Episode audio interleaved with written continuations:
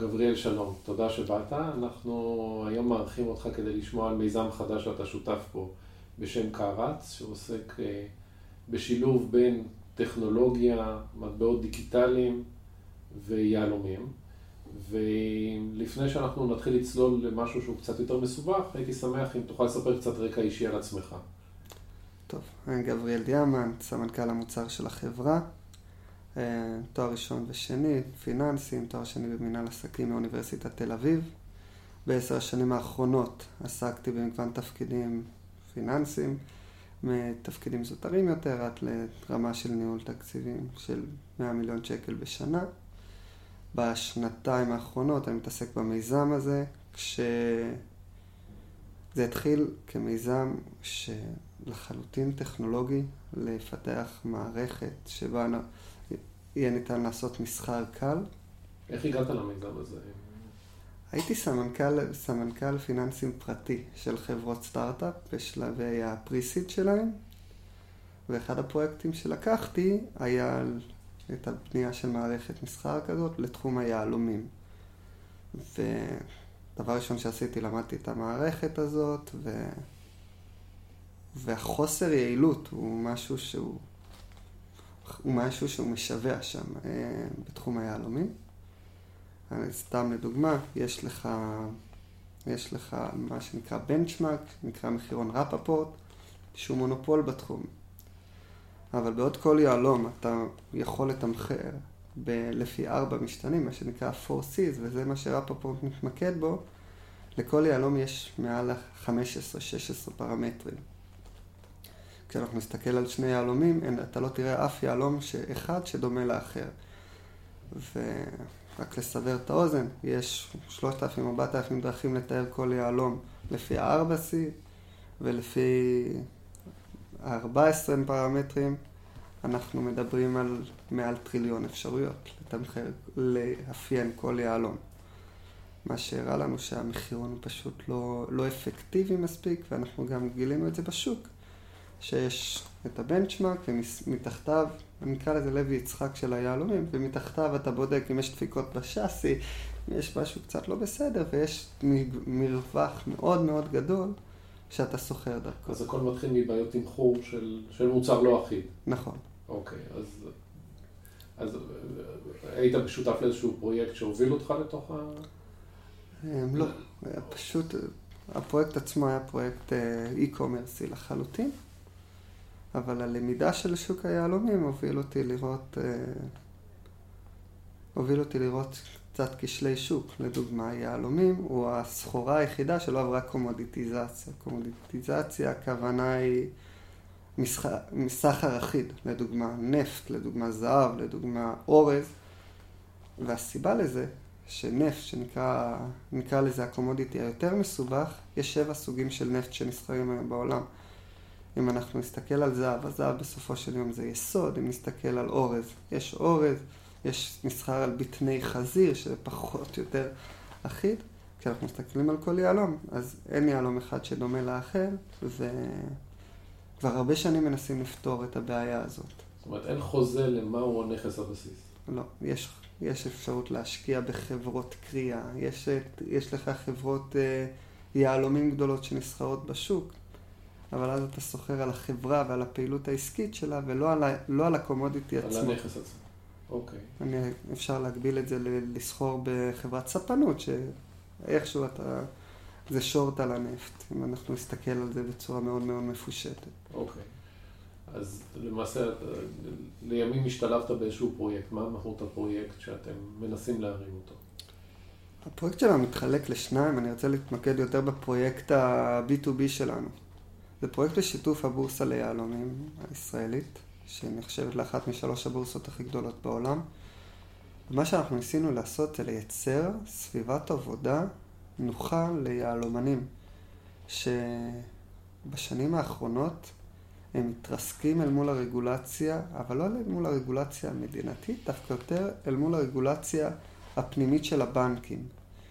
בשנת 2008, אה, אני חושב, באזל 3, קרה דבר שהוא מהותי מבחינת עולם היהלומים, מעבר למשבר הכלכלי, וזה יהלומים הפכו מנכס של הבנקים לנטל על הבנקים. ו... וברגע שזה קרה, לקבל מימון על יהלומים הפך למשהו שהוא כמעט בלתי אפשרי, אני לא אגיד בלתי אפשרי, ולסחור ביהלומים בין בנק, לסחור בין יהלומים בין מדינות שונות נהיה הרבה הרבה יותר מסובך. לדוגמה, יש המון חברות חוקיות באפריקה ש... שמייצרות, שקורות יהלומים גולמיים. וחברה ישראלית שתרצה לקנות, מ... לקנות אה, יהלומים מאפריקה, תרצה להעביר לאפריקה כסף או לקבל מאפריקה כסף, נתקלת בהמון בעיות. אז מעבר לתהליך הבנקאי הבסיסי, שאנחנו צריכים לעבור דרך קורספונדנט בנק, לקבל את הכסף בארץ, שזה תהליך ארוך מאוד, הרבה פעמים פשוט לא יאשרו להם את ההעברה הזאת, למרות שהם עומדים בכל החוקים. אה, הבנקים מגדירים את זה כתיאבון לסיכון, שהם לא מעוניינים, אה, שהם לא מעוניינים להיחשף אליו. זה בגלל אה, הלבנת הון או מיסוי?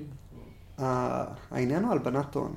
יש חשש מאוד גדול מהלבנת הון, בגלל שיהלומים, אתה יודע, אתה יכול לדחוף חבילה גדולה של יהלומים לכיס ולהסתובב איתה בעולם ואף אחד לא ידע את זה. אבל מה שכן, כשהחברה היא בעלת רישיון ומעבירים compliance את החברה, אין באמת שום סכנה, ש... סכנה מוגברת, אני אקרא לזה להלבנת הון. אוקיי? כי אם בן אדם קיבל רישיון לסחור ביהלומים, זה אומר שהרגולטור הרשה לו לסחור ביהלומים, לקבל כסף ולתת כסף.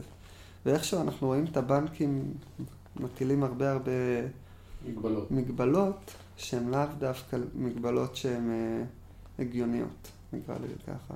אז, אז איך, מה אתם מציעים לפתור בתהליך הזה? אז אנחנו מציעים בעצם לפתור, אה, מצא, לייצר סביבת עולם נקייה ומוגדרת ליהלומנים ותכשיטנים. שרק יהלומנים ותכשיטנים יכולים להיכנס לעולם הזה ולסחור בינם לבין עצמם. עד שהגענו לשם עברנו הרבה, עברנו הרבה תהליכים, והתהליך היה בעיקרו טכנולוגי, ורק בש... בכמה חודשים האחרונים הוא הפך לתהליך יותר רגולטורי שאנחנו נוגעים בו. מבחינה טכנולוגית בנינו, בנינו בעצם אלגוריתם שיודע על בסיס 14 פרמטרים לתת תמחור יחסית מדויק לכל, לכל יהלום ויהלום. על בסיס הדבר הזה אנחנו בנינו את אינדקס רמת גן ואת תתי האינדקסים שלו שהושקו ממש לאחרונה. ועל בסיס האינדקסים האלה אנחנו נבנה, אנחנו בונים את, ה, את מה שנקרא את הטוקנים, כלי המסחר בין יהלומנים. זאת אומרת, קודם כל הגעתם להבנה שיש איזשהו אינדקס שמקובל על כולם, איך קובעים את התמחיר של נכס הבסיס. נכון. ו... שמי, שמי עומד מאחורי ה... זה... התמחור, זאת אומרת, מי, מי נותן גושפנקה לתמחור? הבורסה. הבורסה לוקחת על עצמה את האינדקס הזה, וזה אינדקס שיהיה בביקורת תמידית, לראות שאנחנו לא משחקים איתו. זה היה החשש העיקרי של אה, יהלומנים שהם מאוד חשדניים מטבעם, שיש לנו אלגוריתם שמתמחר. עכשיו איך אנחנו, עכשיו איך, איך הם יודעים שאני לא משנה את זה? מה שאנחנו נעשה, אנחנו ניקח את זה לבדיקה חיצונית, שוטפת, לראות שהאלגוריתם שלנו אותו אלגוריתם, כל שינוי שיהיה בו, כמובן יבוא עם, אה, עם בשקיפות, בשקיפות הכי מלאה שאפשר. אוקיי, okay, אז עכשיו הגענו למסקנה שיש לנו נניח 14 מדדים של סוגים מסוימים של יהלומים. 14 פרמטרים על כל יהלום. על כל יהלום, אוקיי. ואז אנחנו יודעים מה השווי של כל יהלום. נכון. זאת אומרת, אתם מתמחרים יהלום. למה צריך token? אני, אני אקח אותך שלב אחד אחורה. ברגע שתמחרנו כל יהלום, אנחנו רצים על מערכת, על מערכת המסחר הפנימי של היהלומנים בארץ, זה נקראת מערכת Get Diamonds. ואת ה... אחרי שאנחנו מתמחרים כל יהלום, אנחנו מאנדקסים את זה לאיזשהו מספר, מספר אחיד. במקרה של אה, מדד אה, GDX אנחנו מדברים על מספר ראשוני של עשרת אלפים. עכשיו, למה אנחנו צריכים מטבעות? כי זה בעצם העניין של לעזור ליהלומנים לסחור, איך זה מתקשר, כדי למנוע תנודתיות יתר וכדי לעזור ליהלומנים לסחור בכלים שהם שלהם, שווי המטבע הפנימי יהיה צמוד תמיד למדד.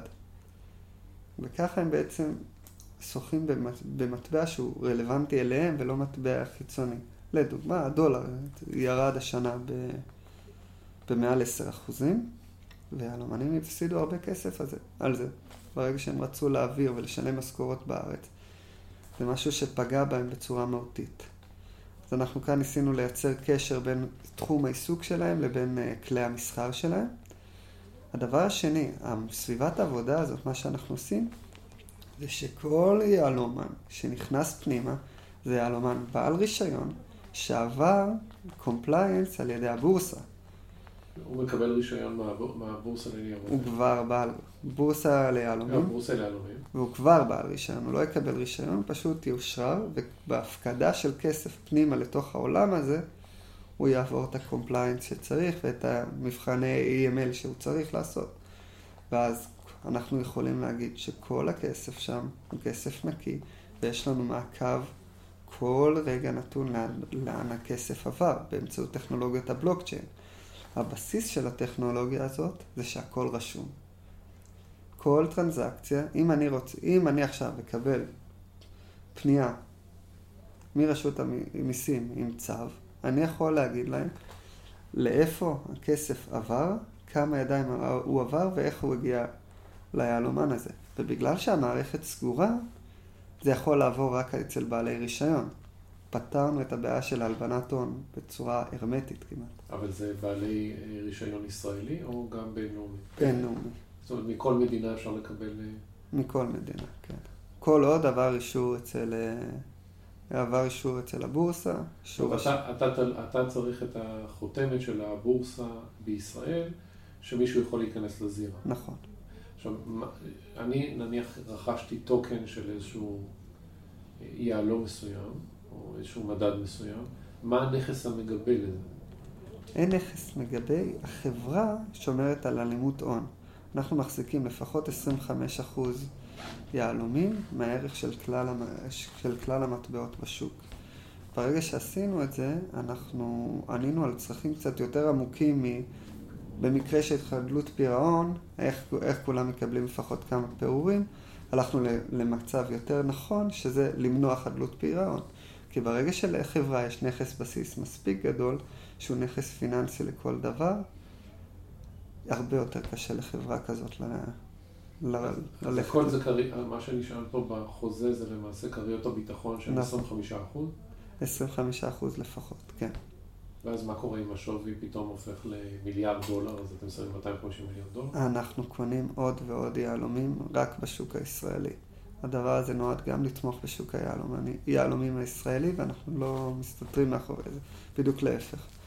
אנחנו עובדים עם הבורסה, ואנחנו היינו מאוד שמחים שזה יעלה למיליארד דולר, כי אז אה, היהלומים, שזה שוק שהוא כרגע בנמנום, אנחנו ניתן לו דחיפה רצינית באמצעות ההייטק, שזה ה vision שלנו. חברת טכנולוגיה שמתחברת לתחום שפעם היה האורים והתומים, וביחד מרימים את זה למעלה. אז אולי תגיד בכמה מילים, כי זה פחות מוכר אה, לאנשים בתחום הפיננסי לגבי השוק הזה של יהלומים, הגודל שלו, זאת אומרת שאתה אומר שהשוק הזה הוא מנומנם. יחסית מנומנם, למה, יחסית למה?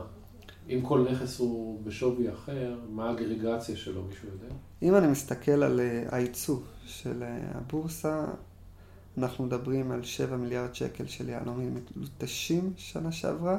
אם אתה מדבר על סך הכל, יבוא, ייצוא, מסחר פנימי, מחזור של הבורסה, אנחנו מדברים על 20 מיליארד דולר תנועות אה, בבורסה ליהלומים הישראלית, כולל יהלומים לא מלוטשים, כולל יהלומים מלוטשים. אז כמה היה הייצוא בשנים קודמות? אנחנו רואים ירידה, ירידה קטנה, לא משהו אגרסיבי, אבל אה, אנחנו רואים מגמת ירידה. ובעולם? בעולם גם יש יריד, מגמת ירידה, עוד פעם, לא מאוד מאוד אגרסיבית, מה שכן מפתיע אותנו לראות, שבארצות הברית, למרות המגמה הזאת, אנחנו ממשיכים לראות עלייה כלפי מעלה. עלייה של מה? של, של אה, יהלומים, של יהלומים מלוטשים. של המחיר שלהם? של הדרישה אליהם. וזה מהסיבה הפשוטה, שבארצות הברית, עדיין, כשמישהו רוצה להציע למישהי ניסויים, וישים לה טבעת יהלום על הרצפה. אה, וזה מאוד הפתיע אותנו, גם בגלל הכניסה של אה, יהלומים סינתטיים, אבל בסופו של יום אנחנו רואים שאף אחד, מנכ"ל הבורסה הגדיר את זה יפה, אף אחד לא רוצה יהלום מזויף על האצבע. זה לא תפס? אה?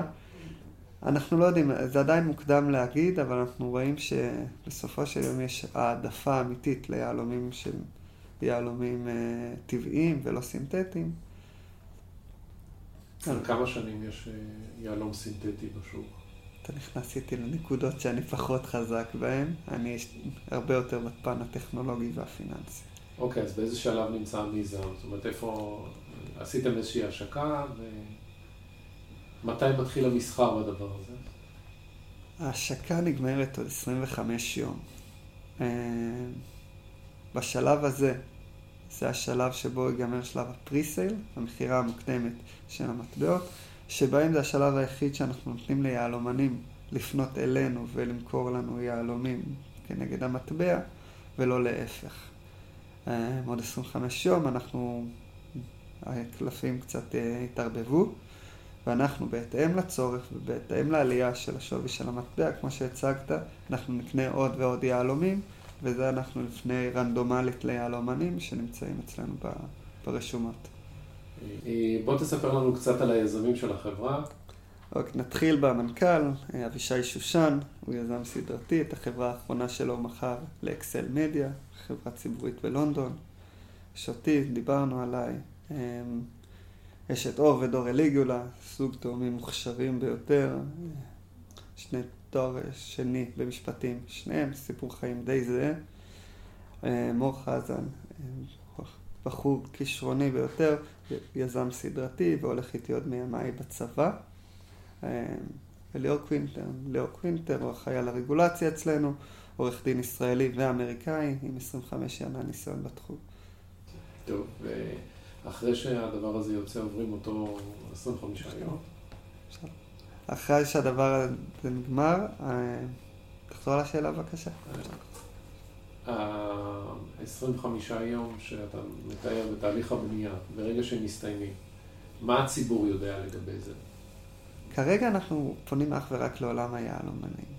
אחרי זה אנחנו הולכים למטבע שהוא, מטבע שפונה לציבור, והמטרה שלו באמת זה לחשוף ציבור מאוד מאוד גדול לתחום שעד עכשיו היה סגור בפניו. לתחום השקעות ביהלומנים.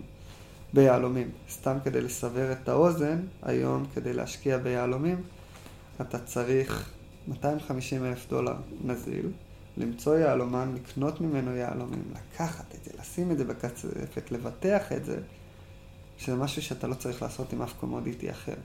ברגע שפיתחנו אינדקס, וכמה תתי אינדקסים, שמגבה אותה אחת הבורסות הגדולות בעולם, ואנחנו עתידים לשמוע על בורסות נוספות שיצטרפו בחודשים ובשנים הקרובות, אז ייצרת להם כלי השקעה שהוא קומודיטי.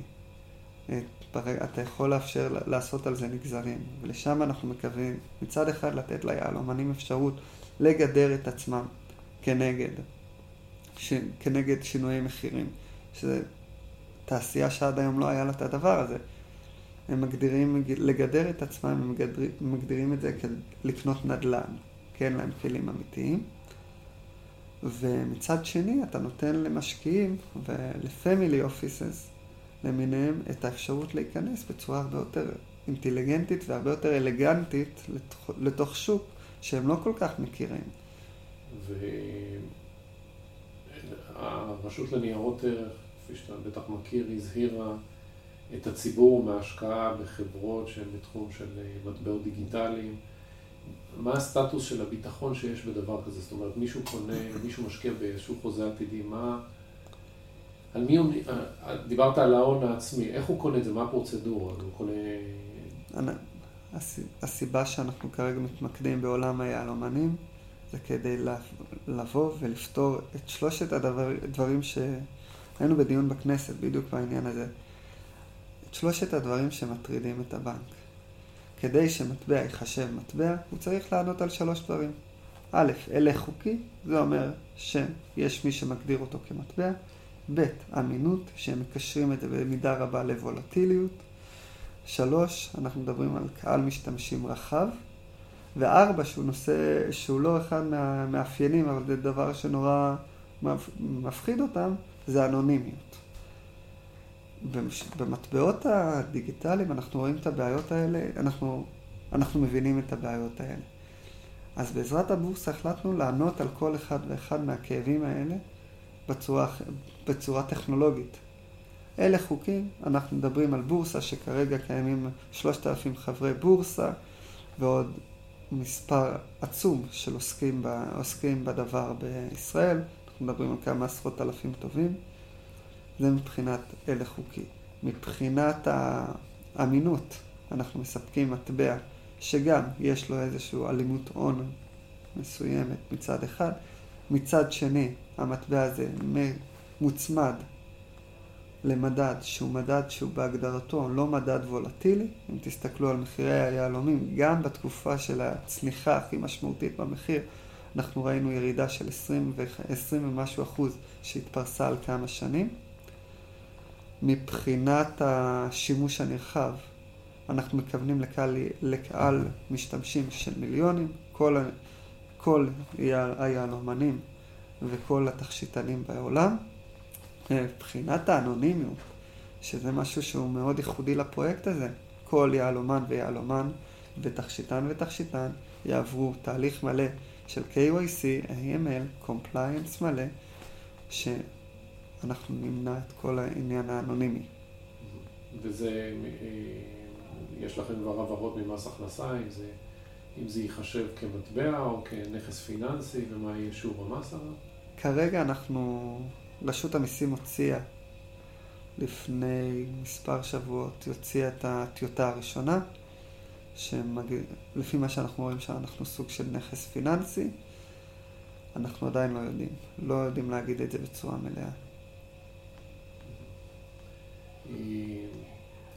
מה שעוד רציתי להבין לגבי הדבר הזה, הפעילות שאתם מדברים עליה היא פעילות שברובה היא מתנהלת מישראל, נכון? זאת אומרת... אה, התקווה שלנו היא לא, שזו תהיה פעילות גלובלית לחלוטין. כבר ב-27 לחודש אנחנו עושים את התערוכה הכי גדולה בעולם לתכשיט, לתכשיטים, מעל 4,500 חברות בהונג קונג, ואנחנו מנסים להפוך את זה כמה שיותר גלובלי כבר מהיום הראשון. שהם מוכרים לזירה יהלומים. ש... לא רק שהם מוכרים, שהם משתמשים במטבע. אנחנו רוצים לצרף קהל יעד מכמה שיותר מדינות, כמה שיותר מהר. זה שאנחנו מתחילים מישראל זה, זה הבית שלנו בסופו של יום. אנחנו שישה אנשים מאוד פטריוטים, שאנחנו, זה הסיבה שאנחנו מתחילים מישראל, שום סיבה אחרת. טוב, מאוד מעניין, שיהיה לכם המון בהצלחה. תודה רבה.